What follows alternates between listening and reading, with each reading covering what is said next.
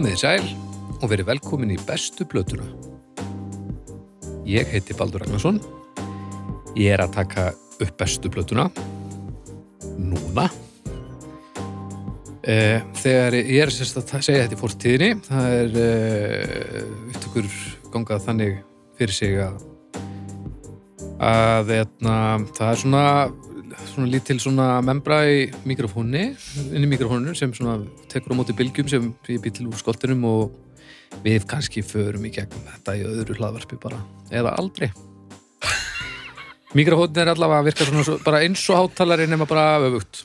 Þú fengið kannski bara, bara tæknivarp Baldurs. Loksins tækni án áhuga leggja það til það, þú myndir kannski bara fá, vera gestur í tæknivarpinu og Já. hjá kjarnanum og bara gera Hæ krakkar, ég ætla að koma inn til að segja ykkur frá Doppler effekt um, Fyrirlegur Ég, já, svona án áhuga hlaðarpið Það er að fræða fólk án nokkurs áhuga Það er nú næstum því það sem Flósi gerir sko. Já, ég er svona er það í draugum fortíðar þegar Flósi talar svona Hvernig er þetta að drauga fortíðar væri ef ég væri ekki með honum? Ef Flósi verið einn með hlaðvarp. Nei, þá væri hann að bara að lesa upp hluti heima á sér. Hann myndi aldrei ít á rekk Ég heldur. að ef að Flósi verið einn með hlaðvarp þá væri það bara einn þáttur. Hann myndi bara setja á rekk og svo Bara myndi bara tala hangum til hann, hangum til hann bara sopnar og svo myndi bara halda áfram. Þegar hann vaknar eftir, eftir stórbrotið. 16 tíma. Hann er eitthvað upp á þessu internetmaðurum minn sko. Flósi, já. Þegar að koma, þegar að vera reyður í flugvilar og svona þetta er gleður sko. Hrættur reyður gamall kall En talandi um, um drauga fortíða, við erum æla latir að minnast á hérna allt sem við erum að gera. Við Já, gleymum því stundum Hljóðkirkjan. Hljóðkirkjan, já Þetta er svakalegt. Við minnum á, á kirkjunar mál hvað, hvað er að gerast aftur í ljúkirkni? Herðu, það vil svo til að við erum að, með fjóra vikulega þætti Já, Á mánudum er það þótt sem heitir Dómstæður sem er ég og Birna Péturs og Haukur Viðar, Móniki svakalegt. þar sem við erum nú aldrei að krifja og, og, og gaggrína þá hluti sem þarf hvorki að krifja en að gaggrína já. E, Svo á miðgutum þá eru það að drauga fórtíðar Það er ég já, já. og Flósi Þorgesson í hljómsveitinni Ham Þú og Flósi Þorgesson í hljóðstinni Ham.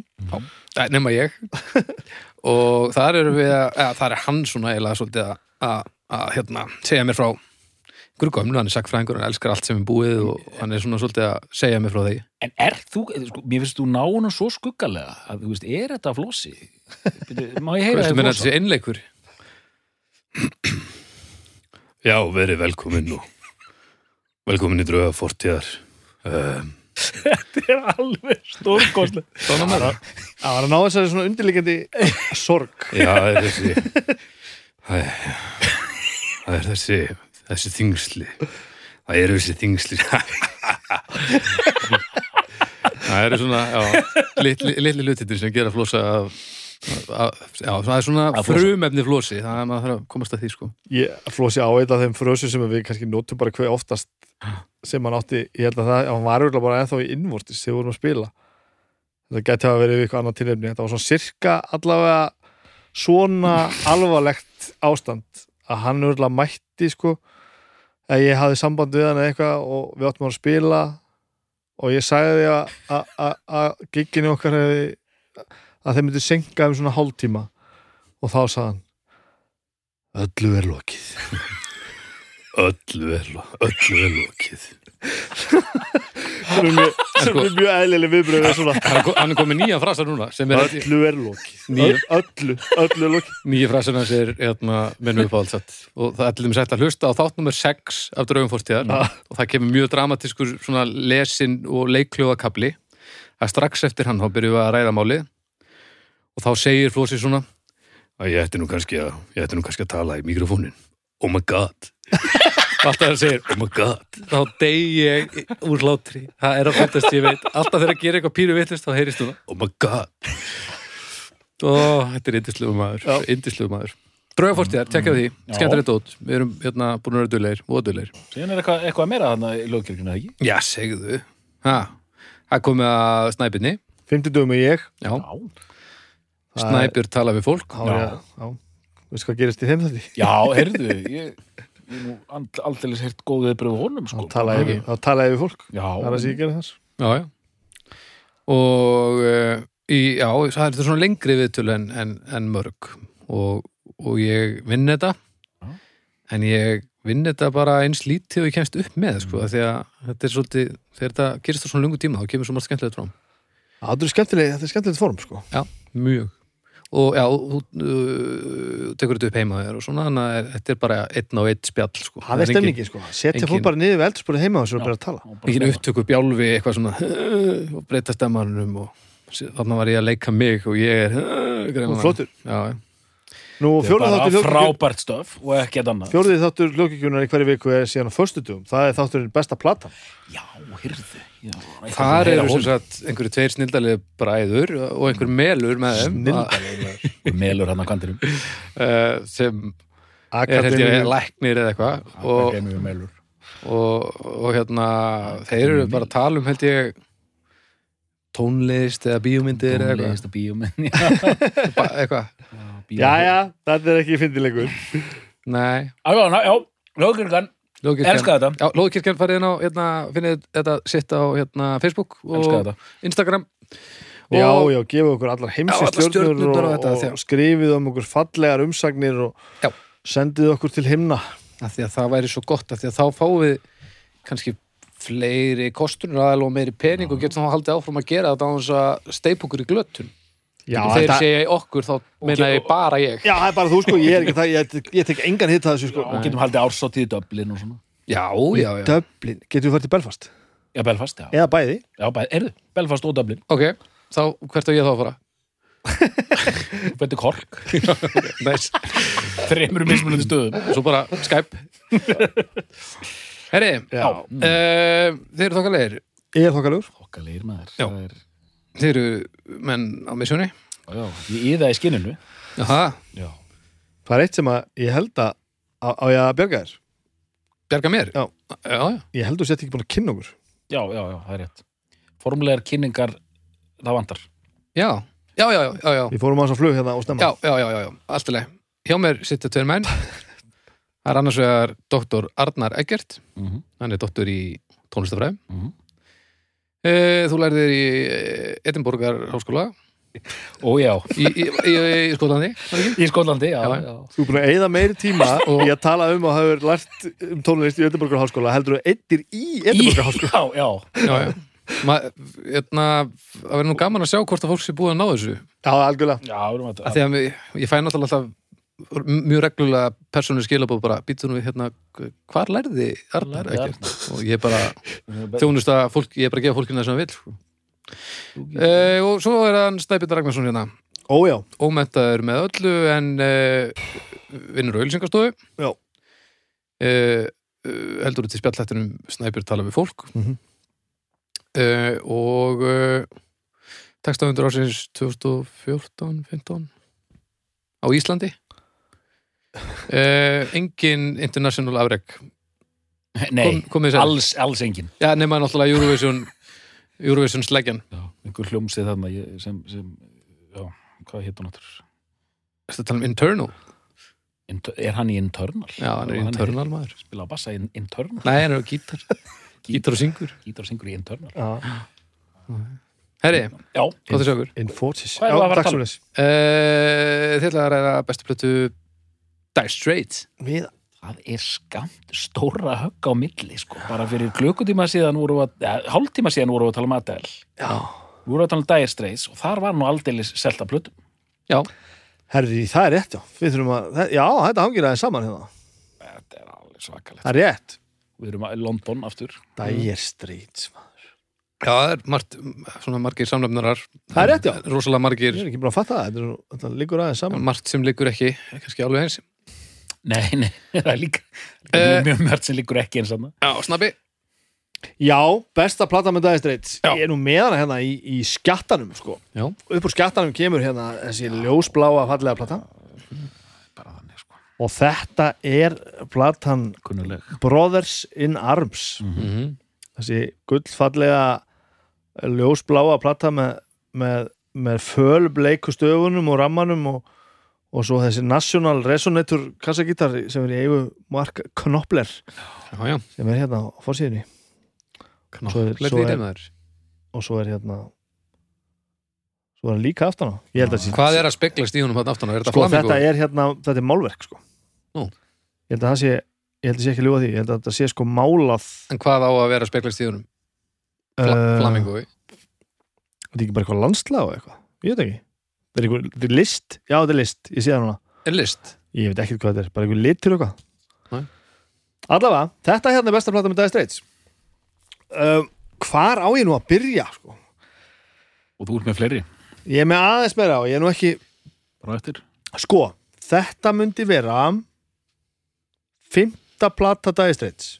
Satt. Þessi plata kemur út 1985 og í allt gaf bandið út sex plötur, að þetta er næst síðasta útgefna hljóðverps, hljó, hljóðverps hljóðverpsplata Dire Straits Mhm. eh, Ef við fyrir nú í söguna Mhm. þá er Dire Straits stopnuð af já, svona kannski helst til að að telja eru þeir tveir bræður Mark Knopfler og yngri bróður hans David. David Knopfler. Knopfler. Eh, fættir held í báðir í Glasgow. Já, fættist þér það já, áhugaður saga. Mamma þeirra englendingur held ég, alveg örgla pappi þeirra ungverskur flóttamöður sem flýr helförina. Flýr narsistana já, já, fæðast í Glasgow en þetta, svo veit ég nú ekki hvað, jú, byttu nú við ég er ekki alveg viss. Endar allavega í London. Já það er einhver, þeir koma við í Newcastle. Hann var Uh, að já, kenna- Hvort- í- hvort í- er fla- bl- flag- bl- Blæð eða blíð eða blæð hann eða, var að kenna í Newcastle eða maður rétt. Ekki? uh, uh, Sko Move to Hva- fara Knopfler's ekki til mother's hometown Brighton of Blyth near Newcastle in Northeast England þegar Ó, hann já. var sjöra já, ok, þeir flytja þangað til Newcastle þegar hann er sjö ára Já, uh, nei, til bl Blæð eða hvernig sem það er sagt. Sem er rétt hjá. Sem er rétt hjá. Ok, um, Svo þannig 13 þá er hann farin að vinna á The Newcastle Evening Chronicle Newspaper. Okay. uh, uh, uh, Já, svo bara já, bara hlutis og London Já, ég er bara svona að reyna að renna yfir þetta hérna, það er bara eitthvað að segja hann, hafi- hann elskaði eitthvað lið Presley og hvenar er hérna hvenar er, er, er Mark fættur uh, Markarinn, já, 12. ágúst 1949 49 49 bandið stopnað Og bróðir hans- 77 bróðan 27. desember 1952 þeir eru maður orðum yngri. Bandið stopnað 77 mm. sem þýðir að hann er 28 ára. Já, já, já, það er áhugavert. Hún að starfa sem kennari í einhver ár sko. já, en búin að spila reyndar í, í hljómsveit þarna undan sem heitir eitthvað kaffe mm. mm. Já, pottet sko. Já, man ekki. Já, 77, já. Allavega, Mm. og setja saman þessa hljómsveit Dire Straits Já, eh, 73 flyttur til London. 73 73, já. Uh, Brúer Strúp er uh, band sem hann uh, er í þar. Já, já. og allavega og, og helsta skal til til nefna þar hann er Mark Knopfler, David Knopfler uh, uh, bróður hans. Og hann hann að Ilsley eða hvað hann heitir hann að bassalekarinn hann já John já, grullukollur. Krullukollurinn John, Ilsley sem er Mm. bassaleikari mm. uppalega gítalegari Mm. farið sér verið bassa og hann og Mark Knopfler eru einu mennindi sem að endust alla leiðina straight í gegn. Dæ er straight í gegn. Og allavega þeir gera þetta band. Mark Knopfler er ö, mjög augljóslega strax sá sem er að draga þennan vagn, þennan bandvagn. Ég er alveg fullur af alls konar orðum í dag. Og gefa út þess að fyrstu plötunum 78 og það er platan Dire Straits. Mhm. eða Self-Titled eða hvað við viljum kalla hana. Mhm. Dire Straits. Og hún e, e, og það, þeir hitta strax á það. Eins og á þeirri plötu er náttúrulega hérna hi- hinn óulegi smellur Sultans of Swing. Mm. segðu Soldánar sveiflunar Já, jú, soldan og söflunar We are the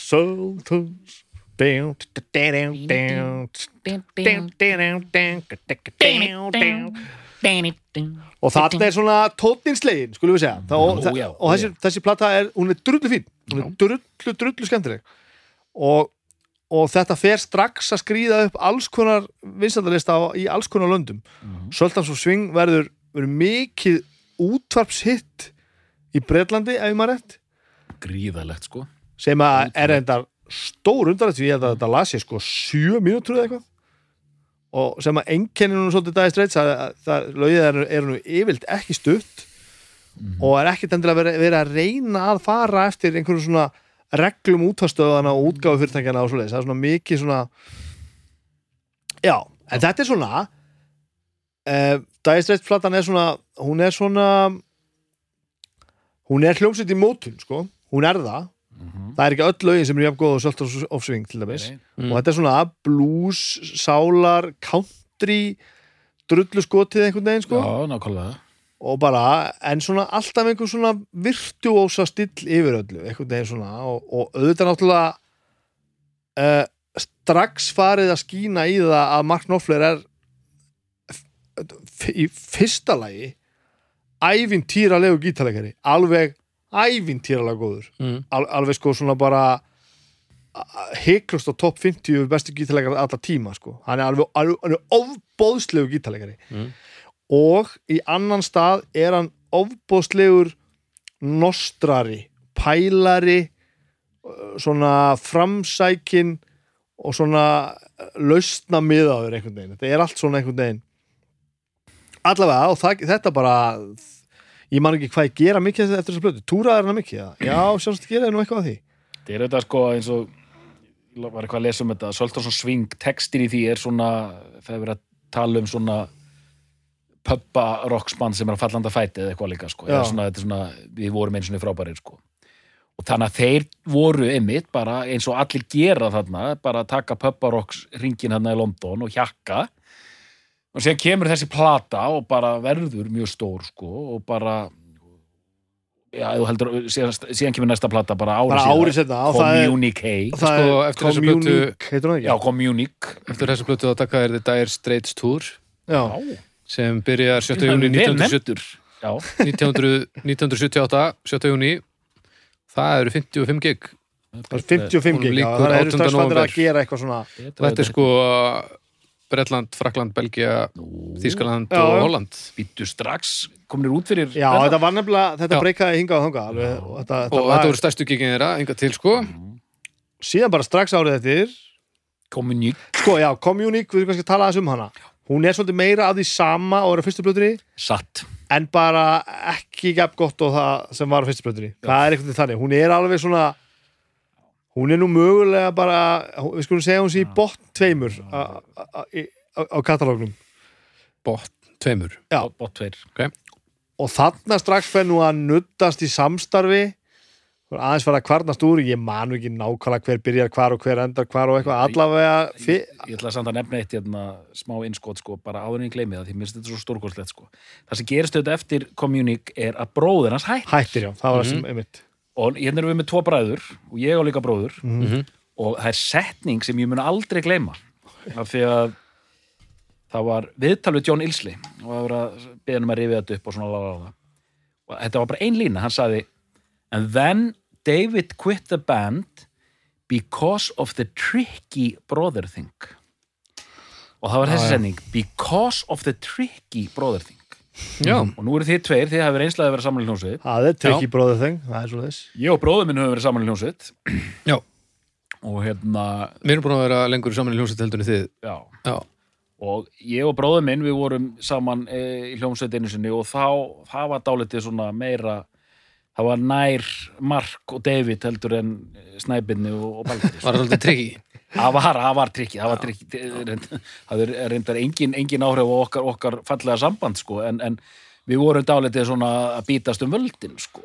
Já, Þannig að, og það var eitthvað þannig í, þarna, í þessu, David hættir, ég held ég held að þeir hafa ekki, ég held að þeir talist ekki við. Nei, ég, En þá, já, þetta fer nú einhvern veginn ekki mjög hátt en nei, ég held að bara þeim líðins fyrir hafi ek- ekkert hvað við hinn að segja, sko hvað það er hvað eitthvað mjög skrítið við, komum, þetta, við þetta að tala slætt um þetta. Það er eitthvað skrítið í vatninu einhvers staðar sko. um, segir hann og fann sér sóta Mhm.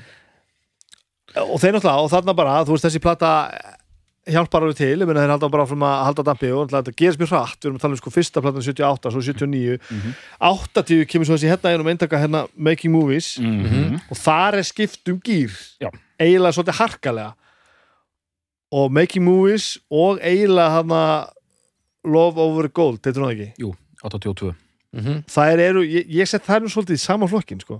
Reyndar sko, mér finnst þessi vera svona, það er svona harðara sound, meira rock það er það, með að Jimmy I, I, hérna, Meira vagg já, En sko- er, Jimmy Iovine og Mark Knopfler pró pródusir þessa sko. þannig að það er komin ofur pródusir hérna, hérna. En Lofa og Gold er dálítið, sko, þá er eiginlega orðin eins og Pink Floyd, sko Hún er mjög progguð já, ég meina, sko, alliðin á henni er sko tvölög, ég held að sko fyrra læsi korter, við erum Ah. alveg þar sko Telegraph Road heitir það? Já.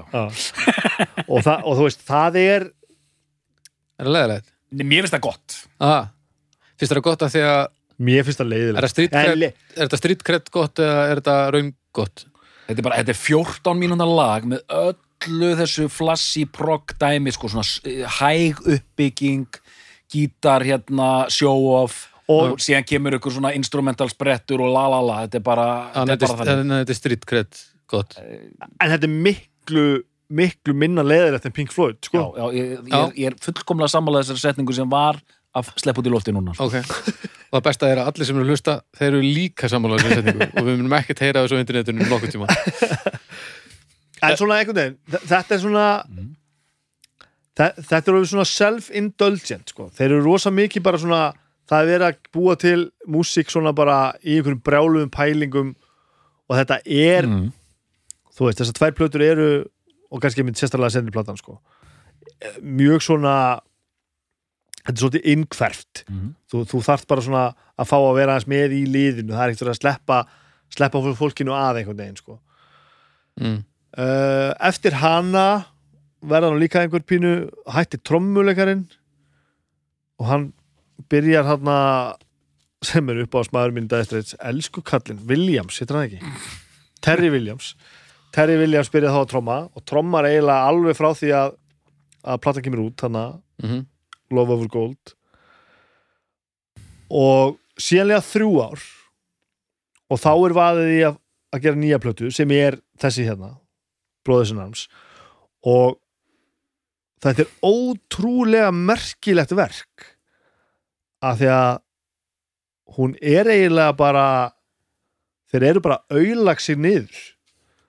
Auðla sig niður? Já, þeir eru bara auðla bandi niður. Þeir hætta bara að vera Listamenn. vera að gera svona Listakallar. rosa mikið og, og eins og hérna veist það liggur við hætti bara að reyna á sig. Bara viljandi og fara að gera bara eitthvað einfalt og aðgengilegt og það gengur náttúrulega ekkert eðlilega vel upp. Það er svo stór undarlegt hvað þetta er gott sko. Er þetta bara svona Robert Smith hendi hittara svo hann fái að halda áfram að gera plötur? veistu það, ég veit ekki af hverju þetta gerist. Það er merkilega þess að plötu og hérna er, hún er líka og eh, kemur í ljós aðeins setna hvar ég stendi í þessu hún er líka, hún er bara hálf góð það er það sem, sem er svo ótrúlega merkilegt við þessa plötu. Hálf góð eins og bara helmingun á lögunum Já, bara segni bara- hliðin er bara, býttu, það er bara lög sem sko, ég vissi, ég var búin að gleyma að vera til Já, bara ég það er nefnilega- sko. þannig er ég nefnilega alveg sammála. Bara upp á staf það er svo magna með hvað hún er stóri höfðun á manni og hvað hún er rosaleg að þá bara þá, það, það er bara dóttarna sem hann bara nei. Þannig að það er bara eins og hafa ákveðið að fara eða hann, þetta er allt saman Mark Knopfler sem gerir þetta. Mhm. gera bara eitthvað ógeðslega aðgengilegt og, og veist, ég veit ekki hvað og helmingurinn að því rúma, rúmlega helmingurinn skulum við segja Mhm, mhm, Mhm. mhm. er ofbóðslega vel hefnuð svona töffara pop drullurokkplata einhver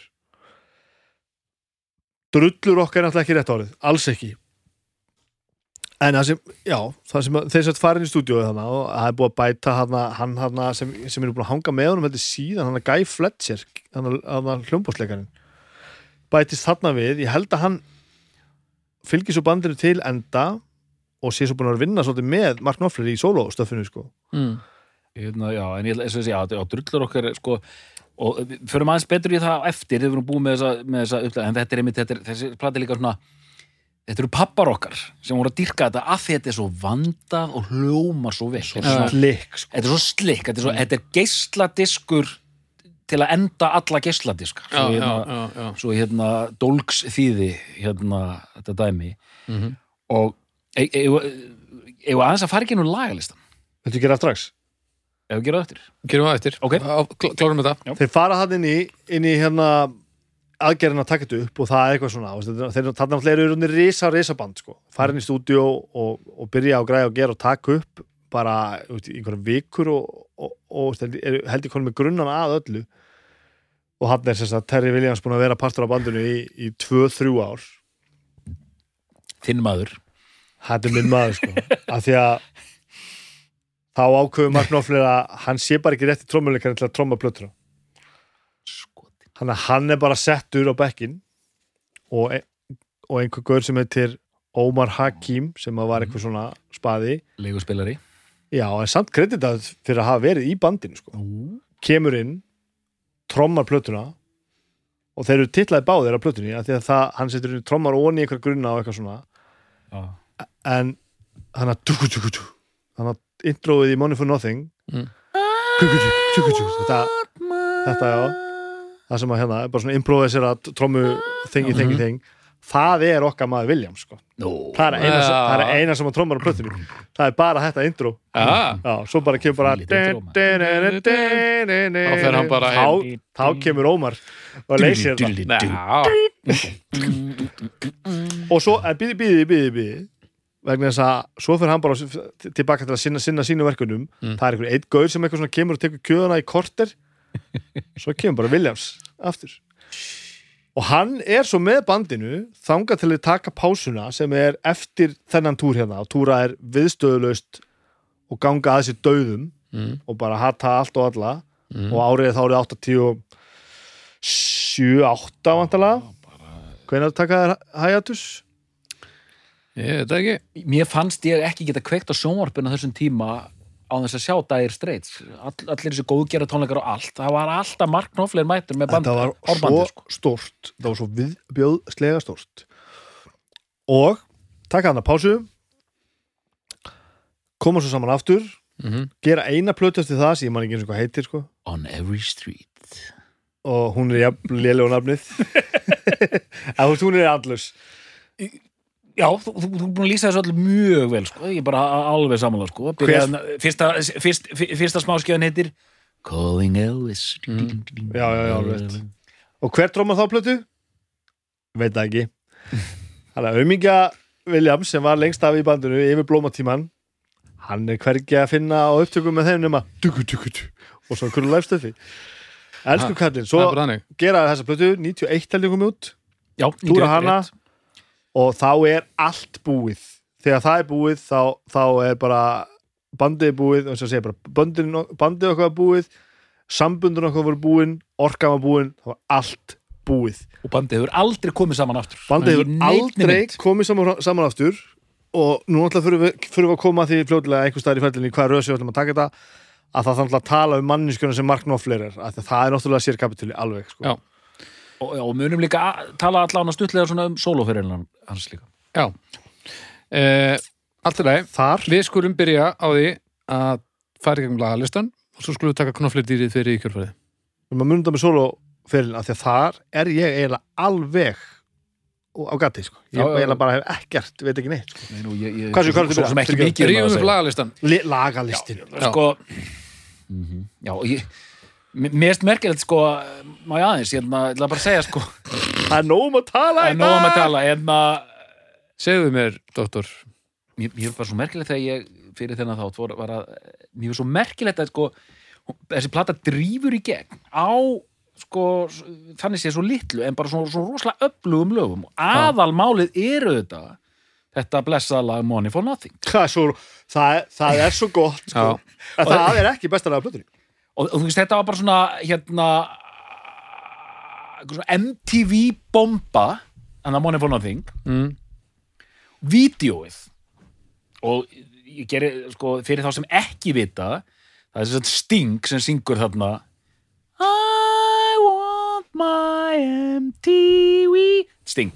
Mm og gamall Newcastle félagi greinlega en sko og bara áður, við förum að rúlega við laglistan -hmm. ég ætla bara að segja með þetta lag og þetta MTV skrýmsli og það sem gerir þessa plötu greinlega því að ég vil bara fatta núna býtu, hvað er í gangi, hún er bara hálf góð platan að hérna bróðir minn bróðir minn, veistu hvað hann gerði? Hann átti kassettuna Já. kassettan bara, snirtileg kassetta þetta var svona ljóskul kassetta svona. hann var, her, hann var með herbergi við hliðin á mínu herbergi Mm -hmm. Þetta er svona 85 þá er hann nýjára nýjára og hann átti kassetuna og hann spilaði Money for Nothing stanslöst e, þetta eina lag stanslöst í margar vikur. Hann spilaði lagið og spólaði tilbaka spilaði lagið, spólaði tilbaka spilaði lagið, spólaði tilbaka allan daginn. Í, í nokkra vikur. Og svo stofnaði Ghost Digital bara til þess að reynsa sér hausinn. Og til margsum hvað ég elska þetta lag mikið ég, ekki, ég fekk ekki ógeða því sko. já, það, er, það, það, það lýsir þessu vel sko Mm. þetta er þetta alveg indislegt sko. já, já, erum við að fara í gegnum er það gítarinn eða, eða lagalistin já. Það er lagalistinn So Far Away, byrja þannig frábært lag bara ótrúlega flott svona, hvað er, þú veist, fallegt jassað einhvern megin Já, keir út í sólulæð, svona pínu, finnur það sko flottur, svona klingja, svona gítarinn flottur sko. So far away from me So far I just can't see. Ding, ding. You're so far away from me. You're so far away from me. Check it out. Þetta er aðeinslegt, Mhm. svo náttúrulega kemur bara Money for Nothing sem er náttúrulega, er náttúrulega ævintýrlegt ævintýr og þetta, er riff er Já. og það er svo margar sögur af riffinu sko þetta sound er náttúrulega það er náttúrulega búið að skoða, skoða þetta vísindarlega, Mm. það er vita nákvæmlega hvernig þetta var tekið upp. Það er, búið, það er svo mikið vita af upptökunar þessar plötu að það er viðbjóður sko. Allir mikrofónar, hvar þeir voru, allt saman. Það er búið að kortleika þetta í fucking drast. Mm sagan segir að þetta rosalega sound sko. Eitt áður ekki með því sem, að, sem er magnað, sem ég vissi ekki fyrir ég fór að undirbúa mig fyrir það þátt. Að Það er hérna, svona myndin með Leonardo DiCaprio sem er komin hérna fimm leigir inn í einhvern heim eitthvað og alltaf, við erum alltaf einu einu leigir fyrir neðan. Já, já, þannig og endanum einhver starf ætlum að tala um eitthvað. Já, já, já, já. Halda áfram, halda áfram. Sem ég vissi ekkert en hef alltaf haft í höfðun á mér þegar ég hlusta á, á, þessa plötu og nokkuð lögðubót CC Top. Já, kemur svo bara í ljós að það er ekkert úr lausulofti gripið sko. hann er Knopfler vantalega hefur svolítið verið að leita að CC Top soundin oft mm. eh, eitt sem að við þurfum núna að fara að tala um er það að hann spilar bara með fingrunum, hann spilar ekki með nögl sem er náttúrulega eitt og sér ótrúlegu stíl sko. Já já, spila löst og náttúrulega sem er náttúrulega e- eitt af einkennismerkjum Billy Gibbons í CC Top hann spila með nögl Mhm. en alveg ofbóðslega löst með mjög granna strengi og spila ofbóðslega löst og það er, er svolítið partur af soundinu sko. það er bara spila svona geðveitt vel hækka bara nú djúvill Já. mikið og vera bara nú þéttur sko. En að því þetta er líklega rockasta lægið þeirra til þess sko. Það kemur svona bara svona já, já, og það kemur riff. þetta þetta fössaða gítarsound, svona gated sound sem Mhm. hljómar svona næstum því eins og þú veist svona sawtooth syndi Mhm. þú veist, þetta er Já. svona alveg svona öfgafössað sko Mhm. Og sagan segir að aðstofumæðurinn í stúdíónu hafi sem sagt, náð að grípa mómentið bara og stoppa á af að það eru þrýr mikrofónar á gítarmagnarunum einn var sæmilega vel þetta er oft gert að það eru settir fleiri mikrofónar á einn gítarmagnar til þess að taka upp hljóðið og hver mikrofón er með mismöðandi svona soundkarakter. Og svo getur þú svona mixað á milli hérna mikrofónar til þess að, til þess að svona ráða þeim hvernig, hvernig hljóðið kemur. Mhm.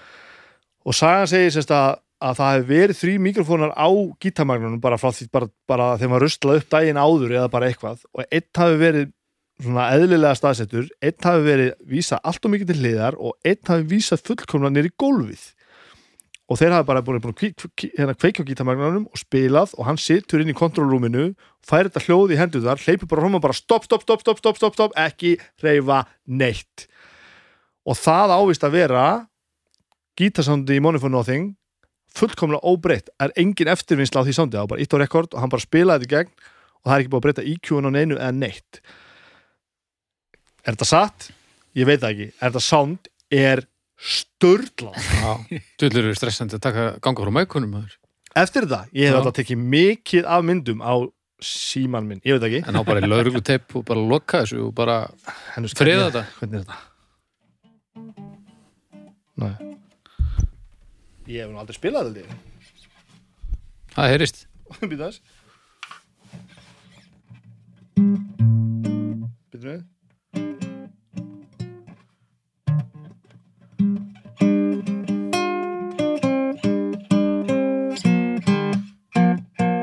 dun, dun. Þetta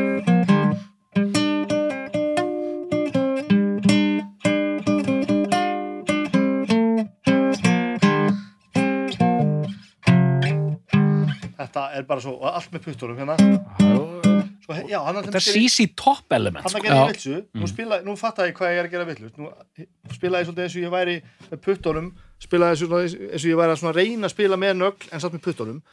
Ég glemdi að nota þumarputtan Það sem ég gerir var svona. Þá verður svona eitthvað svona plokka eitthvað. Svo setur þumarinn hérna móti Og þá hljómar þetta svona Auðvitað gerir ég þetta því ég kann þetta ekki Mm. Patti, hvað segja?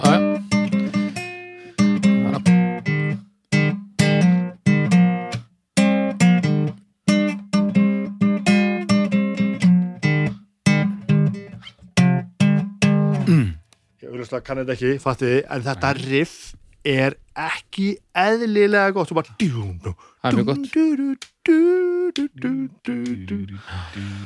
og þetta lag það er svo hryllilega gott og þetta náttúrulega var, var fyrsta lagi, var ekki fyrsta lagi sem var spilað á MTV í Evrópu var ekki hérna Videokildi Radio Star fyrsta lagi sem var spilað ég man ekki hvernig það var, það var allavega UK eða eitthvað þetta er allavega eitthvað svona, á, á eitthvað rosalegt svona einhver MTV sögu eitthvað. Moment en svo kemur besta lagið. Svo kemur Walk of Life. Því að það er besta lag bara mögulega besta lag heiminum.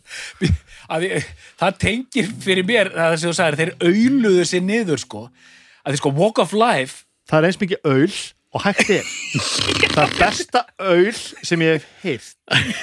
Það ég svo, veit það. það er svo rosalegt öl það, það, það gerist ekkert í því og það er bara alveg endalust skemmtilegt. Veist hvað lag þetta er? Nei, Ok, já, þá erum við tökum með það. Já, við tökum með Laga hérna hljóðnum hans. Takk til það. það. Og myndbandið við þetta var spilað alveg endalust. Já, jú, jú. La la la la. La la la la la la la. Di di di du di di di du du. Di di di di di di di. Di di di di. Da da da da da.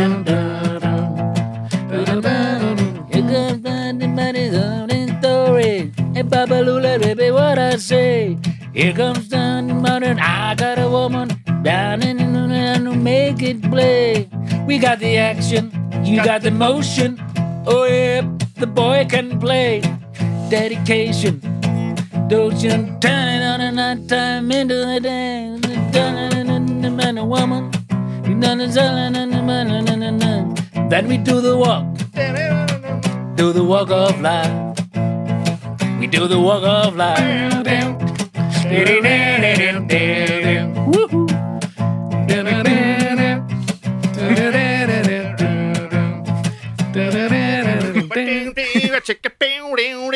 Og bara áfram og áfram og þetta breytist aldrei Þetta- breytist aldrei neitt og þetta er svo hryllilega, hryllilega gott. Oh, Walk of life. Og eitt vil ég koma inn á nákvæmlega núna nú er hún alveg löðrandi sveittur þetta því miður er ég ekki með hérna nú er ég hérna sko rosalega þetta þunn plata. Ég ætla að leiða að sko flutuna hérna þegar ég búin að halda á núna. Ég er ekki með þetta Baldur, flettu upp núna, fyrir mér. Fyrir mér. Nú skaltu gera eitt. Nú skaltu segja mér hvað Walk of Life er langt lag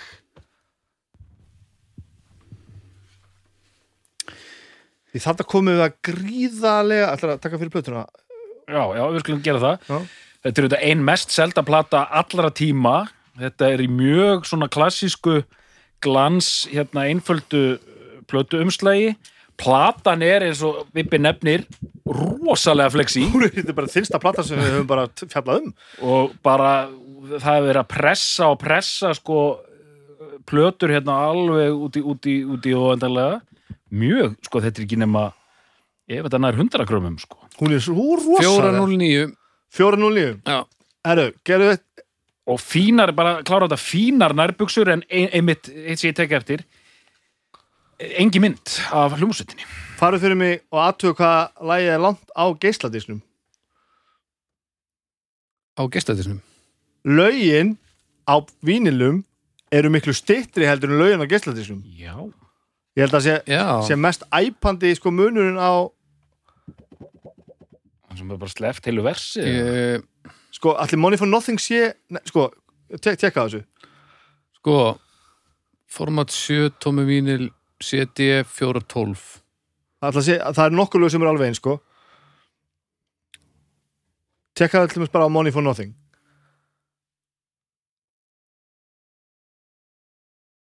Og en svo það sem þú ert að tala um. Uh, Money for Nothing. Uh, uh, Promo Single Edit 406 Official Single Edit 438 Vinyl LP Edit 704 Album version 825 Hanna, og hálf? Heldur að þú eru ekki átta og hálf á myndu Money for Nothing? 825 og það, Money for Nothing af því við höfum, við höfum eiginlega aldrei heyrt það, af því við höfum alltaf hlustað á þetta já, já. það er illa langt og það er bara það er bara sting í restina að segja bara, na, na, na, bara, Já, bara svona þúsund sinnum Þetta var ekki til að gefa trómanunum Eh, eh, fyrstu þrjálum mínútunar í uh, að vera með á plötunni Þannig að LP-versjun á Money for Nothing er hvað? uh, Það var Það er mjög langt samt. 704 Já, en, já, en svo bæta við einn og hálfri fyrir, fyrir, fyrir geisladiskin sko. Já. En ég sé strax, ég var einmitt að hlusta á svo plötu á, á Spotify og það er til dæmis þetta lag hérna uh, Höldum aðeins áfram með laglistan bara. svo er þetta eiginlega bara næstu í búið. Já, einmitt. Að að nú kemur Your Latest Trick og það er bara eins og Kenny G. Það er bara saxofón drull. Að Mér finnst það mjög fínt, það er eitthvað við það, að það segja er mjög fínt en þetta er, var, var ég búin að segja hvað lögin eru það sem eru undan? Það, það er bara So Far Away, Money for Nothing Já. Walk of Life Já. og, og Kenny G. Það Kenny G. gengur ekki sko. Síðan, svo, svo klárast að segja klár- á Why Worry. Why Worry, sem er, ég var einmitt að hlusta á þetta spoti Why Worry er sjö mínútur. Já, þar. Ekki, ekki, ekki, ekki, þessari. Nei, og þetta Why Worry það end, einmitt. Why Worry, og síðan kemur einmitt svona, svona fjóra mínútur bara af einhverju instrumental síru, sko. Og af hverju þú veist, þetta þarf ekki, það er ekkit betra sko. síðan snúðu þessari plötu, mest seldu plötu nárast allar tíma þá við kemur Já. þið gríðalega lag Right Across the River sem er bara einhver svona fötti-dötti instrumental Ég maður bara veit eh, hvað það er, sko. Já, Mhm. ok uh, The Man's Too Strong ég, ég, sko, ég get manið ekki einu sinni, sko. One World allar, sko. og svo kemur alltaf sinna sem er frábært sem er náttúrulega algjörlega geðvegt sko. en það eru fjögulöðana sem eru náttúrulega alveg sko sko sem eru svo framúrskarðilegu sko, sem, eru svo, sem eru svo rosalega já, góð, já, sko. það, er- það er það sem gerir þetta sko. en, en þú veist en mér svo fyndi sko að þú veist tökum bara dæmi, segjum Money for Nothing Mhm. bara lag sem slæri gegn og það er greinlega að rjúka allir út í búð kaupa plötuna Já. og nú, nú ætla ég að koma með spurningu til bara allra sem er að hlusta Mm. Og síðan er, þú veist, hún selst og selst og selst þessi plata, hún er sko þetta er svona papparokk plata allra tíma. Ég meina þetta er frumefnið. Þetta er bara frumefnið. Þessi plata er til á öllum heimilum bara á Íslandi og allstaða Ef það er pappi á heimilinu þá ertu og bara er, er hún papparokk 1985 þú veist, ertu 30 ára að kaupa hana það, alvöru papparokk er papparokk frá degi eitt. En ég ætla að segja, sko, fyrsta ég er með, já, ég er með tvær spurningar, Eh, ég, ætla, ég er með eina spurningu og síðan eitt svar. Fyrsta spurningin er, hlustaði þetta, fólk ekkert á þess að plötu sér? Af því að sko legacy er allt öðruvísi. já, Að bara, nei, já, já bróðsinn aðeins, þetta er, þetta er hálf góð plata sem er að fatta núna. okay. en var þetta papparokk 1985? Mér finnst það mjög góð spurning af því að þessi plata var þetta hötuð af öllum hérna, Já. pöngurum og þungarokkurum þetta var, Já, var það þannig? já, hún var bara hötuð þetta var sem sagt tá svona slikk uh, 80s kókain verðbrefa hérna Miami Vice Já, auðvitað. ég hef það gott í útkverfinu og Já, og samt eh, þeim heimi en meðalmennsku Já, og bara svona steril, þetta var svona eh, sterilt geisladiska Já. element og þetta, var svona ták þess að bara, heyrðu, hlustu nú á eitthvað notalegt og eitthvað svona almennilegt og eitthvað sem hljómar vel og eitthvað sem er þægilegt Hlustum á eitthvað sem allir geta notið allir sem geta notið, þannig að Já. þetta eru notalegar lagasmiðar eins og þarna Kenny G-lagið sem ég mun aldrei kalla annað en Kenny G-lagið eftir þetta Það er, það er í alveg Já. þess að kenna því. Þannig að your, la- your- það er your latest trick, þetta er svona snekkjulag sko. og, og þú getur sjá þetta fyrir ykkur já, ég veit þetta það rétt. eru menn í hvítum jakkafötum Já, og, búin að bretta upp á. Nei, brett upp á Já. ermendar með, hérna, hérna, á, á, táslunum í, í, svona, í svona Don Johnson skóm. Stíga svo af stekkjunni upp á bryggjuna, fara á vespunni og sækja svona freyðivín. Já, og fara á ströndir að, er þessi, var, Slalom. þessi var bara stilt fram sem svona óvinnur allrar sköpunar og, og, og, og einhvers lífs í músík sko. Já, já. þannig að þetta var svona satana þýleitin til en maður komst ekkert undan þessari plötu sko. Þetta er Ég er náttúrulega sko sjö ára kemur, þegar hún kemur út, þannig ég man bara hún var allstar, það er einu sem ég man, sko. ég veit ekki, sko, af því að ég bara þetta, þetta var svo rosalega, þetta var bara allt í kring maður fílaði Money for Nothing mm. þú veist, ég var alveg var við þetta Wow, en maður var, rýma, dótturinn þú veist, maður var alveg var við þetta sem ég var nefnaði maður en ég var bara það ungur þetta var bara svona, svona mikið í bara því sem var að gerast mm.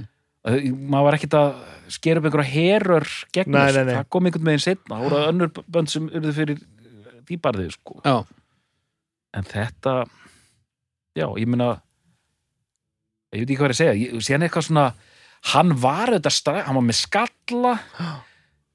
Mér fannst eitthvað góðlegt við Mark Knopfler. Góðlegt? Já, hann er þetta jafn gamall og pabbi var sko. Já, já, fættu 49 Já. og þú veist, það var bara svona já, svona góðlegur gaur eða eða sama bróðurinn segir hmm.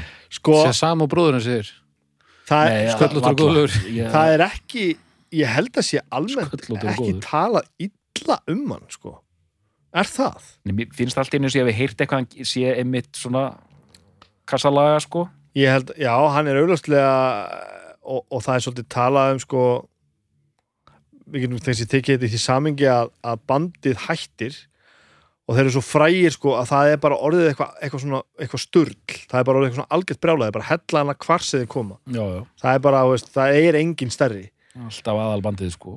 Og svo bara klára hann túr pakka saman og, og hafa aldrei gert neitt síðan. Nei. og hann bara vill það ekki. Og það er ekki það eins og sumi gera bara þeir bara ráða ekkert við þetta og, og hætta bara að spila og hætta að koma, eða hætta að koma fram Já, nei, nei, eitthvað hann- hann fyrir bara sólóferil sko. Já. En bara þessi tegund af stærð og frægð hann segir bara þetta bara ámaður ekki að gera. Þetta ætla ég bara ekki að gera. Og hann virðist vera saman að heil í því, allavega erum við hérna 30 árum setna næstu því og hann bara hefur ekkert gert það sko.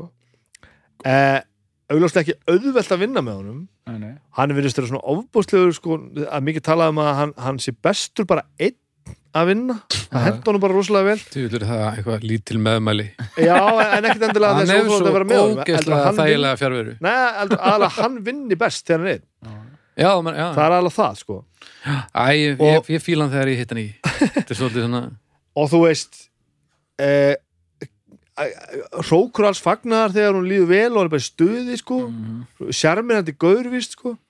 En, en gengur svo ekki endilega vel að svona samböndum við fólk og eitthvað svona. Sér svona, þú veist, en hann er svo, já. og hann er alltaf að leita að einhverju virðist þeirra ofbóðslegur svona já, svona tingerir, ofbóðslegur svona fyktari alltaf að leita að einhverju fullkomnun sko. Mm, og ofbóðslega umhugaðum sound. Þetta er einn fyrsta plata sem er tekin upp digital. Já, já. 1985 ó, tekin upp í genum nýf mixer, legendary mixer sko og settur beint inn á, inn á stafrænt Sony tape. Holy moly. Já, ég meina á sínu tíma er þetta náttúrulega bara brjálaði sko, þetta var svona geisladiskurinn sko. og þetta var ge einmitt geisladiskurinn og þetta er sérst það var bara allir þetta að vera með öryggiskleiru bara við tökurnarlegu þetta er svona þannig fílingur, þetta hefur verið ægilega framandi sko. já, já, og ég man ekki hvaða tölur það eru. Allavega þú veist hvort þetta var fyrsti diskurinn til þess að seljast í miljón eintökum eða það er eitthvað svona, eitthvað svona. Já. og það er sérst frækt frækt moment þegar að þá mjög ung geisladiska framneðsla heimsins stutt á vegkomin hafði ekki undan Já. það fekk engin plötunda sínar að þegar voru allir að pressa money for nothing þetta var bara svona rugl sko. það var bara að vera að selja plötur í því líku magni að yðnaðurinn hafði bara ekkert undan og einmitt þetta, setja eins langar útgáfur og hægt var bara á já. bara þegar komst fyrir sko. Og ég meina sándið á plötunni það er svo tært sko. já, já. rýma náttúrulega rosalega mikið við hvernig hann spilar hann, rosa, hann, hann er ofbóðslu gítarleikir, Já, hann- mikill soundpælari gefur hreint signal erfitt eru- eru ógæðslega útpæld og töff sko. og gerast líka bara svo framalega í lúpunni þetta er bara í puttunum ánum þar verður bara hann er fyrst og góður fremst til bara og svo hvað heyrir þetta maður spil, nýtt með það sko. sko, heyr- heyrir maður spilda live og þá er hann ekkert að gera endilega nákvæmlega sama hann er svo góður að gíta og svo syngur hann þetta sko. Og, eh, virtuós já, bara, bara, þú veist og, og, og bara ekki vann með það hvað gaurin er góður að gíta sko. Er gítar. hann En er já, rosalegur sko. en hann er ekki samt svona típan sem er að taka þátt í olimpíuleikunum í gítar þetta Hann er er ekkert- að þjóna allt tilgangi hann er ekkert að býða eftir einhver hætti í Dragon Force sko já, já, Nei, einmitt, einmitt. en, en hann er mjög, mjög góður í því sem hann gerir sko. ofbóðslega svona þetta já, þetta er svona róli heita pælingar með allt þetta sound og allt þetta og, en mér finnst frábært sko tvenns ég ætla að segja, sko, mér finnst frábært einmitt að því við erum að tala um þetta hérna á, á mjög jákvæðan hátt sem það er, Mhm. en sko hvers, hvernig svo var stilt upp, svo merkilegt að þetta var þessi kynslu þessi pappar okkar, þar sem sko þetta eru, eru vel samin lög uh, og þetta hljómar vel Mhm. og þetta er vel spilað Já. Já, þegar já. ég er í kringum Já. 90 ég, sagði, ég man að ég og pappi lendum mér svona rifrild út af þessu ég sagði, ég sagði það ekki en rifrildi snýrust við þetta ég vildi heyra illa samin lög Mm. eða kannski ekki illa samin lög ég, vildi heyra illa spiluð lög og illa sándandi já, já. Og ég man að pappi gat ekki skilið að- akkur veitir eitthvað von já, nei, nei þetta, er, þetta er lélegt Mm. Þú veist, það er bara þannig sko. og, og þú veist, verið- þá, þá bara allt í einu var svona kynnslóðaklass sko. Já, pældi að það hefur verið upp, bara upp í galnanda og bara ég vil hóða að heyra ástíðunar en hann bara lélar ég spili þetta illa og allt og hratt og allt í voða og já, já, enginn að vanda sig það er rétt Og þannig að þú veist, þannig er að breytast sko en uh, já, þú veist, maður er hann 14-15 ára að gera uppreist sko, bara, heyrðu, mér finnst My Bloody Valentine bara cool, af því að þetta, ég heyri alltaf hvað hann er að segja og þetta er svo mikið surg og hérna og þá- ástriðasamt sem fylgir því.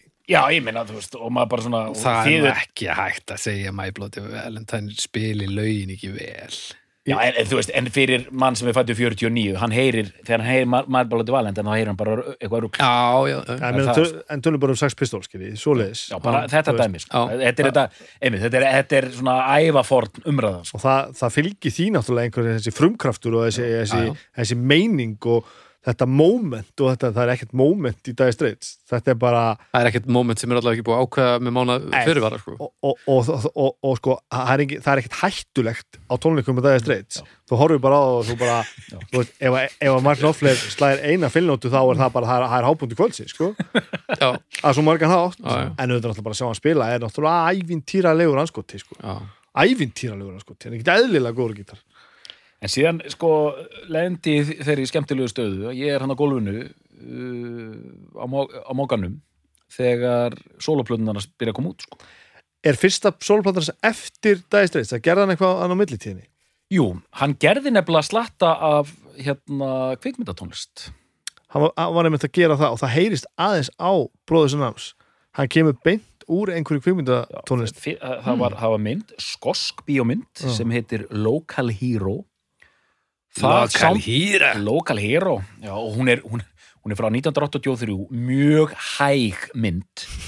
Hún er svona eins og þessi lög þeirra, átta mínútur. Þetta er svona, þú veist, þetta er svona, er svona tveir og hálfu tími og það gerist ekkert í myndinni. En hann er Nice. með soundtrackið, Já.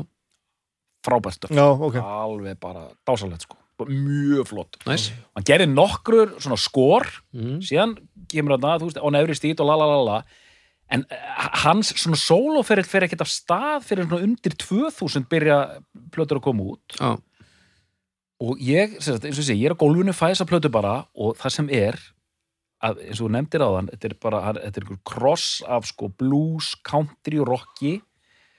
Og það, þetta er einhvern veginn það er sánda, það er ekkert hægt að segja það er ekki hægt að setja út á þetta sko. nei, nei, þetta hljóma, þetta er bara svona þetta hljóma svo ótrúlega vel þetta er svo þægilegt Mm. á, á jákvæðan máta. Og hann hefur gefið út slatta plötum og þetta er alltaf, þú bara svona, já. Einmitt, takk fyrir. Alltaf leið, knopplar bara eh, takk og en eitt sem, það er ekkert sjói sko, það eru miklu meira svona fyrir ekki allar þessar slettur, svona understated heldur en þetta sko. Já, ennþá já, já, þetta er meira sko, þetta er, þetta er algjört svo bara svona kraft meistarans sko bara þessar líkjur sem við þekkjum og bara svona ótrúlega þægileg músík og maður sem veit nákvæmlega hvað hann er að gera. Mm. en miklu svona af því að þetta er, hann er ekkert að elta þetta er allt annað dæmi. Já, þannig er, er menn í popljónsveit sko, þetta er bara fyrir hans fólk og hann auðvitað græðir á því að hann er auðvitað bara góðsögn sko. Hver á svo Já. tónleika endalust Já, sko, og ég meina hann, hann er er til ekki dæmis, hann er ekki ef við setjum þetta í, í myndlíkingu hann er ekki formúlu uh, bílstjóri en hann er kannski eitt besti strætóbílstjóri í heimi.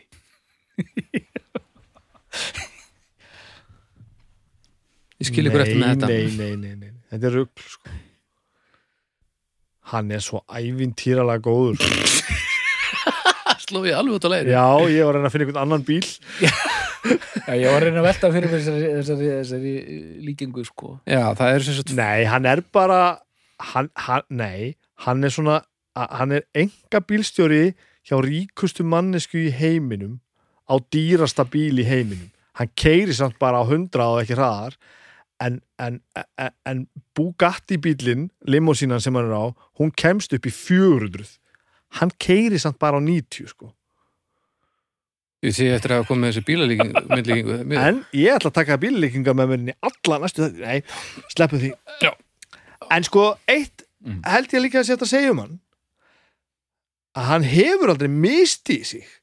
Veist, hann har aldrei, aldrei gert eitthvað sem að fólk er bara, veist, þeim, þeir sem fylgjórum skilur á. Au- Auðvitað náttúrulega þeir sem að hata Dagi Streits, það er náttúrulega mjög öll að, Já, ég meina, en, En- þú veist- Sólóplötuna, þetta er allt gott stöf og auðvitað, sko. auðvitað lítum að hérna, auðvitað lítum að, að, taka pínu ofan fyrir því að þú veist, taka þessa ákvörðinu það bara, ég vil bara ekki meira Dagi Já. Streits og, Mm. og hvað heldur þessi búið að bjóða mikið að penning? Já. Hvað heldur þessi mikið pen, að penningum í pottinum? Já, já. Hvað heldur þessi mikið af frægð? Hvað heldur þessi mikið af öllu bara? Ef, ef, ef þú ert marknofler þá getur þú fengið hvað svo þú vilt Já. Ef þú ert með Dagi Streits spili bara í vasanum Hann spilaði Já, ekki þetta er sko. Kom sög svona sko. Dire Straits hljómsveit til landsins fyrir einhverjum árum síðan Kom bara eitthvað svona The Dire Straits Band eða eitthvað líka. Já, já, með einhverjum svona tveimur já þeir héttu eitthvað Dagi Streits Legacy eða eitthvað já, svoleiðis. eitthvað svo sko. Það var alltaf band sem að Já, tveir Súpa er á Legacy Það er til dæmis bíl sem að en spáði að vera í hérna, Dire Straits Legacy bandinu og að vera að spila partana hans knofler. Já, það, já. en þú veist það er alveg hægt. Það er alveg hægt, já. Þetta er ekki Þetta er einmitt ekki eitthvað sem er óyfirstíðanlegt en, En að hafa en að hafa byrjað á þessu Já. og gert þetta alltaf svona vel það er svolítið trikki sko. hvar heyrir, heyrir þú þetta band? Ég, sko þetta er heima hjá okkur. Nei, Þetta er ekki heima þetta er þegar við, við byggum náttúrulega ekki saman á þeim tíma nei. Ég man ekkert hverju heyrði þetta ég get af ykkur Jú, þessi plata var vist til heima. Ég get sagt ykkur að heyra þetta. Siggi Illu að hlusta á þessa plötu svona fjórsum á dag. Já, þar er ég þetta. Heyrðu þetta. heima hérna Arnari Siggi Illu Já, það er þar, já. Siggi Illu er, er, er Já, hvað, hvað er við að segja um Siggi Illu? Hann er tónlistamæður Við erum húsæk og þetta er svona, hann, hann er drífandi í tónlistar og leikhúsennunu á húsæk og Já. er, er faðir rosalega margra góðra vinn okkar. Of marga sko. Of marga. Nei, nei, nei, nei, alls ekki. Já, Ég er maður sannfæður um að þessi plata er svo plata þar sem sko þú, þú, þú, þú spila fyrstu hliðina Mm. svona tekur upp hérna armin og setur á síðasta lagi sko. Bróðursarminn bróðisarmin þessi var helviti góð þessi var mjög góður Ég er ennþá bara bætu fyrir bílana þú, ert að vera konum og En það voru líka þessi vídeo, sko, bróðsinn armsvídeó sem var eitthvað svona tölvuteikning og hann einhverju menn að flytja og eitthvað svona I want my MTV. Síðan var bróðsinn armsvídeóði rosalega dramatist. Það voru svona blíjantsteikningar og einhverju svona pendull á fullu. Pendull, alveg rosa pendull og einhver stórsjór og eitthvað svona, sko. okay. Og rosa, þetta er rosa dramatist lag, sko. Þetta er svolítið, svolítið svona þungt, sko. En Hva, ég meina hvaða lag var það sem að voru bara að fara í tennisskóna og setja á sig svitaböndin og spila svo bara live lúkið á þeim þeir eru náttúrulega bara eins og þið að fara að spila á Wimbledon Já, það er, þetta er Svitaböndin, maður. öll svitaböndin alla, alla útlimi Það verður sko, ég ætla að vera með svitaband þegar við tökum fo- formlegu myndina það væri þetta til Já. að vera með svitabönd núna það ég heitt til í að þú erum með svitaband núna. Ah, þetta er rosalega hitt í þetta Já. Já, já, það er nú betur en að það sé of kalt En, það, en þetta var eina sem slættist inn að það var þessi blessaða kassetta hans brósa sko. en ég man bara pappi og gummi frændi skiluru þetta var, þegar voru fyllir í heima hjá mér inn í pappi, stofu gummifrændi og Siggi bar. þeir voru saman inn í Nei, stofu. bíl, einhverju bíl þeir, þeir voru saman inn í stofu og, og þeir voru alltaf að hækka rosalega mikið sko. og, þetta er, veist, þetta er já. svona hækkirokk. Þetta er klárlega. Og, og, og bara, ég, ég man eftir þessu. Pappi og gummi frændi inn í stofu og Söltans og Sving á blasti sko. á blasti svakalega sko. ég, ég, ég, ég heyri þetta svo. Líka svo lítið að álaga á hátaluna því að það er svo gott sound þarna, sko. þetta, er, þetta er pínu sko. Þetta er svo Hækki rock. Já, Djú- hækkirokk, þetta er ný, já, Hvað, hækkirokk hvað er til dæmis Hvað er svona mesta hækki rock lag allra tíma? Er það Sweet Home Alabama? nei, ja, við erum champions. We are the champions, það er mjög hækki rock. Það er hækkirokk Já, það er hækki rock. Það, Þetta er, já, þetta er gott.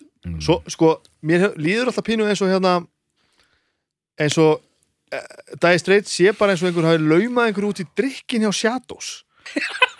Þannig er þorða að syngja. Þetta já, er, þetta er þáttur sem heldur áfram að gefa og gefa. Þetta er of gott.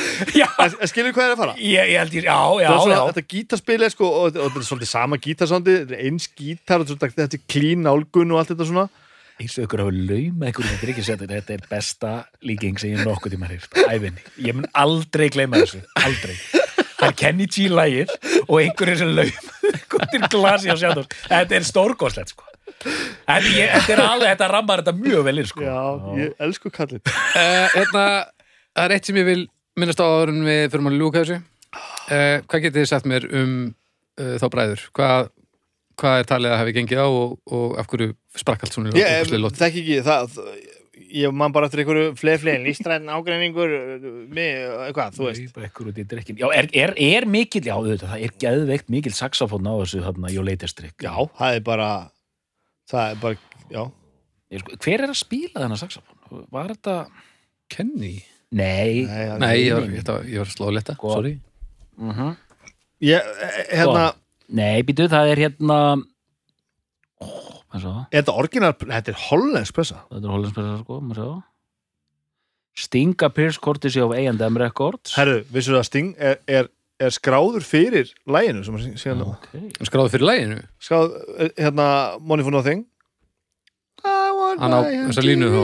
Nei, það er bara vegna þess að þetta er svo líkt hérna hmm. Við verðum að fá að vita hver spilaði saxin. Stendur ekki hérna. Ha, Það stendur ekkert hver spilaði saxofónin. Hva, hvernig er það, ah, Við verðum, við verðum að fá úr Don't þessu skóri. so ég þarf eiginlega að finna mér me. þriðja til að tala um ég einu þannig að þá, veit engin neitt um hvað er að gerast Credits. Don't stand so close to me hva, nú er ég Don't stand, don't stand, don't stand so close to me. Þetta er ástæðan fyrir því að- Þannig að MTV, það bara þessi melodi er skráð á hann. Þess hérna, vegna þess vegna er hann skráð hann fyrir læginu líka. Hann mætir þarna á Live 8 Já, já, það þetta, er sko. gríðalega frækta sem að mæti sko.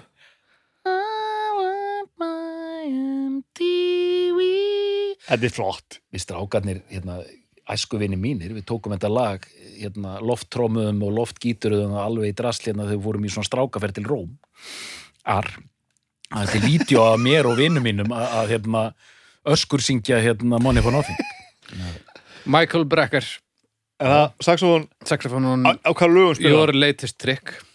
Bara því að það er rosalegur anskot tíma. hann fær ekki kredit, svakalegt sko. Það er ekki, herri, sjáðu plötuna, sjáðu hérna, hérna, Nei, sko, það er Nature, Additional Musicians Nature of Contributions Uncredited on Album. Contributions Added Were Known. Og svo er bara listi af fólki og Tony Levin, Bass on One World Jack Tony Sonny Levin, ég hefði sett nafnið á honum á plötuna ef ég, hef, ef ég hef fengið hann til að spila. Jack Sonny, Guitar Synthesizer on the Man's Too Strong. Mannskapurinn. uh, Já, Ég ætla að segja þér Baldur, ég, ég hef lesið greinar um Dire Straits og viðtöl um þetta á lalala, ég bara mani þetta ekki en ég meina ég held að hann hafi bara viljað fá að gera meira hann hérna David sko. Og ta talast þér ekki við í dag er það, Ég- Þú ef ég, ætti að ef ég ætti að setja pening á það þá held ég að þetta sé það mikil sorgarsaga að þeir bara hafi ekki talast við síðan bara 1979 sko Já, og ég meina það er, það er, það er ríkalegt þeir eru þrjú ára á milli þeirra sko. Já, ef það eru fimm, þá er þetta nú allt í lagi. já, það er ekki að tala um nákvæmlega Já, ég, Það er sex árum millu okkar en svo er, er eitt punktu sem ég langar að koma aðinni viðbútt. Að þegar maður hlustur á dagstreitt, Mm. eh, manni líður alltaf svolítið eins og hann viti bara hvernig þetta á að vera. Hann sé bara svona, mér líður eins og að sé, þú veist, hvað ég segja, mér líður eins og, þú veist, þetta er svona eins og að vera hjá sálfræðingi sem er með Asperger. Hann skilur ekki hvernig þið líður, hann veit það bara. Fattur hvað er að fara? Það, það er bara svona eins og, eins og, eins og, einu eins og hann viti bara það, er eins og hann viti bara nákvæmlega vi- viti bara nákvæmlega hvernig hann á að setja saman lögin og hljóðheimin og allt saman Já. þannig að þetta virki en ég er ekkert sem að virki svona vel á hann fattið þið. já lögin Já, allt saman bara. Mér líður ekki eins og hann sé svona, svona fullkomlega in it. Já, hann sé bara svona, já, svona t- tiltölulega kaldur. Já, og sé bara svona setja þetta hann út sé bara svona, þetta sé bara svona kraftmannship og hann sé meira bara að horfa á blúprintið. Svona virkar mannselin, ég veit hvernig þið líður. En ég veit, sko, en hvað var þetta slís að því að þú veist, einmitt, þeir voru komnir dálítið út í hot, sko, lofa við Gold var bara svona, svona, svona þungplata mm. sem kemur svona, Að, þessi plata slæri gegn Já, sko. aðgengilegt í mér og eins og ég segi, þetta er, þetta er innan allra gæsal bara aulað niður, Já, þetta er bara, þú veist þetta er bara haft einfaldara. Það er bara þannig. Slæmt? Já. Nei, það er frábært. Það er algjörlega frábært. Jæja, kútar. Já, heyrðu, Nú er komið að þetta uppgjöri. gaman. þetta er skemmtilegt, sko. Við fórum um við að völl. Já, þetta var, þetta var Misgáfulegt var það. Já, mér ske- sem betur fer, sko. En sumt alltaf því. Já, þetta, þetta var mjög gott, sko. Já, þetta var gott. Við skulum byrja á þér snabbi. Eh, ekki myndi ég nú segja að Dire Straits var einu af mínum upp á sljósitum það er nú ekki þannig, sko og verður sennilega sent Já. en þessi plata er náttúrulega á einhverjum stalli líka að það er náttúrulega alls ekki hægt að horfa fram hjá henni í, tónlistarsögunni, hún er svo stór. Já, og náttúrulega bara, og við töluðum alls ekki nógu mikið um söluna á henni. Veist, það, það, það er bara eitthvað rugl hvað hún hefur selst mikið, það er algert bull Mm. og hvað hún seldist hratt og hvernig þetta gerist. Þær Líka- tölur koma frá þér inn á umræðahópin frábært, við skulum bara tala um, um þetta- voða, tölunar það bara. Tugir vikna í einhverjum löndum í fyrsta sæti. Já. Það bara haggaðist ekki, sko. Já, ég, ég held að hún sé búin að, ég, hún poppar alltaf aftur og aftur inn á UK-listana, bara ennþá. Já, hún er búin að vera sko, sko hvað var þetta, 350 vikur. Veist, þetta er bara eitthvað, hvað er þetta? Eh, Þetta er til dæmis það hérna establishuð plata í tónlistarsögunni að ég held í alvöru núna að verið til heima á heimilinu þar sem ég var barn. Já, bara því að Já, já, ég er í leita svo mikið við, við plötu umslæði sko. Já, já, einmitt, þetta er rosalega Þú veist, þetta er alveg rosalega mikið, mikið partur af öllu sko. og þessi fjögulög sem við erum að tala um í raun og veru. Já, já. og ég fer ekki ofan að þetta eru bara þessi með smá filler hlið þannig Já, og, og, og ég minn ekkert bara hlið, það er bara, þú veist, þetta er bara, það er tvö lög á fyrir hliðinu og þrjú á setni, Já, bara, í rauninni fimm lög af nýju sem eru bara svona, Já. þau eru ekki hræðileg, sko, nema að Kenny G lagi, náttúrulega, nei, það er svo lagi líka, en, en ég meina, ef, væri, ef platan væri bara þannig, þá væri við ekki að tala um hana, nei, nei. En er en þetta eru rosalega lög. Og allt við þetta, soundið tempóin, grúfið stemningin, textaðir glemdu svolítið að tala um textana. Hann er frábært textasmiður, kemur svolítið inn á þetta sem ég var að tala með sálfræðingin og Aspergiði Mm. hann veit bara hvernig það á hljóma en ég er ekkert sem þetta hreyfi við honum hann er ekki, hann er ekki sko löður sveittur í, í tilfinningamóki að setja saman texta, hann veit bara hvernig það á að hljóma Hvað, almennilega, sko. hvað þú vilt heyra Já, hvað, hvað og það gera? virka sko. Eh, og, og bara reyniði að segja mér að sko uh, þrjóskustu hérna lúðarnir og, og besefisirarnir úti takk ekki við sér eða heyri hérna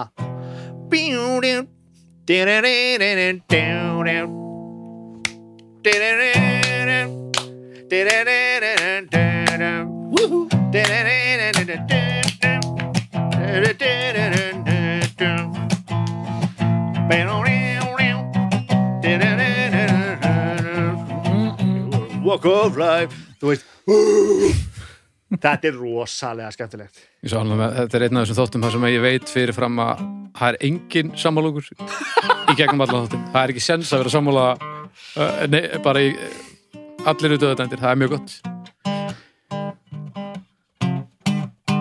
þannig að þú veist ég ætla að leiða mér að nota hérna orðið uh, hliðstæðulust því þetta er náttúrulega fullkomlega hliðstæðulust það er einhver salan, sondin sagan maðurinn náttúrulega, þú veist eh, það er hva- hvaða hvaða band er eins og Dire Straits? Ekkert og þau bönd sem reyna eins og Dire Straits eru bara leiðileg bara, þau gera ekkert skemmtilegt sko. þau gera bara leiðilegu lögum í Dire Straits og svo bara, þú veist auðvitað segi það líka að eh, ef þið viljið finna eitthvað skemmtilegt að horfa á eru sko tónlistilega þengjandi hljóðfærilega þengjandi finnið umfjallanir um hans spilamennsku og búnaðin hans og bara það sem hann gerir og bara fólk að tala um hann, fólk að tala við hann og svona, menn þetta er stór merkilegu maður og þegar maður sem að sko veltir fyrir sér minnstu hlutum og hefur á hann skoðun svona heimsbyggilega þengjandi og hann er að leita einhverju svona æðri æ- æðri tilgangi sko, ég held að það sé alveg þannig. Ég held að þetta sé svona svolítið spiritual hjá honum allt saman sko, Mhm. sérvitur náttúrulega hófið fram. Þeir voru teknir inn í Hall of Fame bara fyrir tveimur árum eða eitthvað. Mm. mætti ekki. Það er bara hann hann bara mætti ekki og, og hérna já, já, þess, Og hann hérna- sko. og Ilsley bara sagði bara einhverja eina settingu sem var bara eitthvað ég ætla nú ekki að segja ykkur mikið eða afsaka þetta eitthvað, ég man ekki hvernig orða þetta og svo var bara eitthvað but he had personal reasons eða eitthvað svona, þetta var alveg bara svona mættu bara. Það ert ekki með þetta sko. að hann bara tekur þetta allt út til og, og, veist, og hann er náttúrulega, þetta er snillingur. Hann er augljóslega snillingur. Eh, en ég, svo ég, ætla, ég veit ég múin að tala mikið því ég skal fara að hætta þessu. Það? ég held að, mér finnst þetta líka svona skemmtilegt vegna þess að það er svo hverfandi að mér finnst svona músík skemmtileg. Þannig að þessi, þessi bestu lög eru bara þau eru svo frábær sko. takk fyrir. Bara hættur þér? Það er bara, já, ég ætla að nefna sko, mér myndi og mér myndi vitlust mér myndi að On Every Street hefði verið svo ljúf og góð og flott svona hérna kveðju plata og hún er það engan veginn. Þetta, þetta er fokk leðilegt maður. Já, þetta er bara svona algjörlega ekki sko, ég, ég rendi henni núna og Drepa ég, ég, já, ég myndi þetta smáskjönu hann Calling Elvis Já. en síðan bara fyrir út í út í rosalega köflótplata sko Já. hundleðilegt ég var að reyna að búa eh, smíða einhverja kenningu sko uh, svolítið svo sving alveg frábært lag mér finnst þess að tvær fyrstu svona eru bara, þú veist, þetta er að verða til Mhm. ég var eitthvað að spá hvort ég ætti að stilla fram Making Movies sem sko bestu dagir streitsplötunni sko, mér finnst hún hljómar þetta alveg hún er eitthvað svona eitthvað svona pottéttu bragur á henni. Mhm. en síðan bara, nei þú veist, var háleiður á því líka sko. Og þú veist, Low Gold ég er að fíla þetta Telegraph Road og allt það en nei þannig að sko, mér finnst alveg að því ég er sammála, mér finnst sko Bróðsson Arms er besta styrstplatan, Já. hálf góð sem er bara stórkoslega niðurstöðar Það er mjög sko. áhugavert, já. það er bara þannig. Það er bara þannig og ég ætla ekki að þetta er allt komið fram gott fólk hérna, þessi stórgóðslega sveit uh, með hérna Shadows með Gauróttan drikk mjög gott. Þannig að Snæbjörn, er þetta besta plata Dire Straits? Já, Doktor, er þetta besta plata Dire Straits? já, Við þakkum fyrir í dag og við heyrumst af viku liðinni.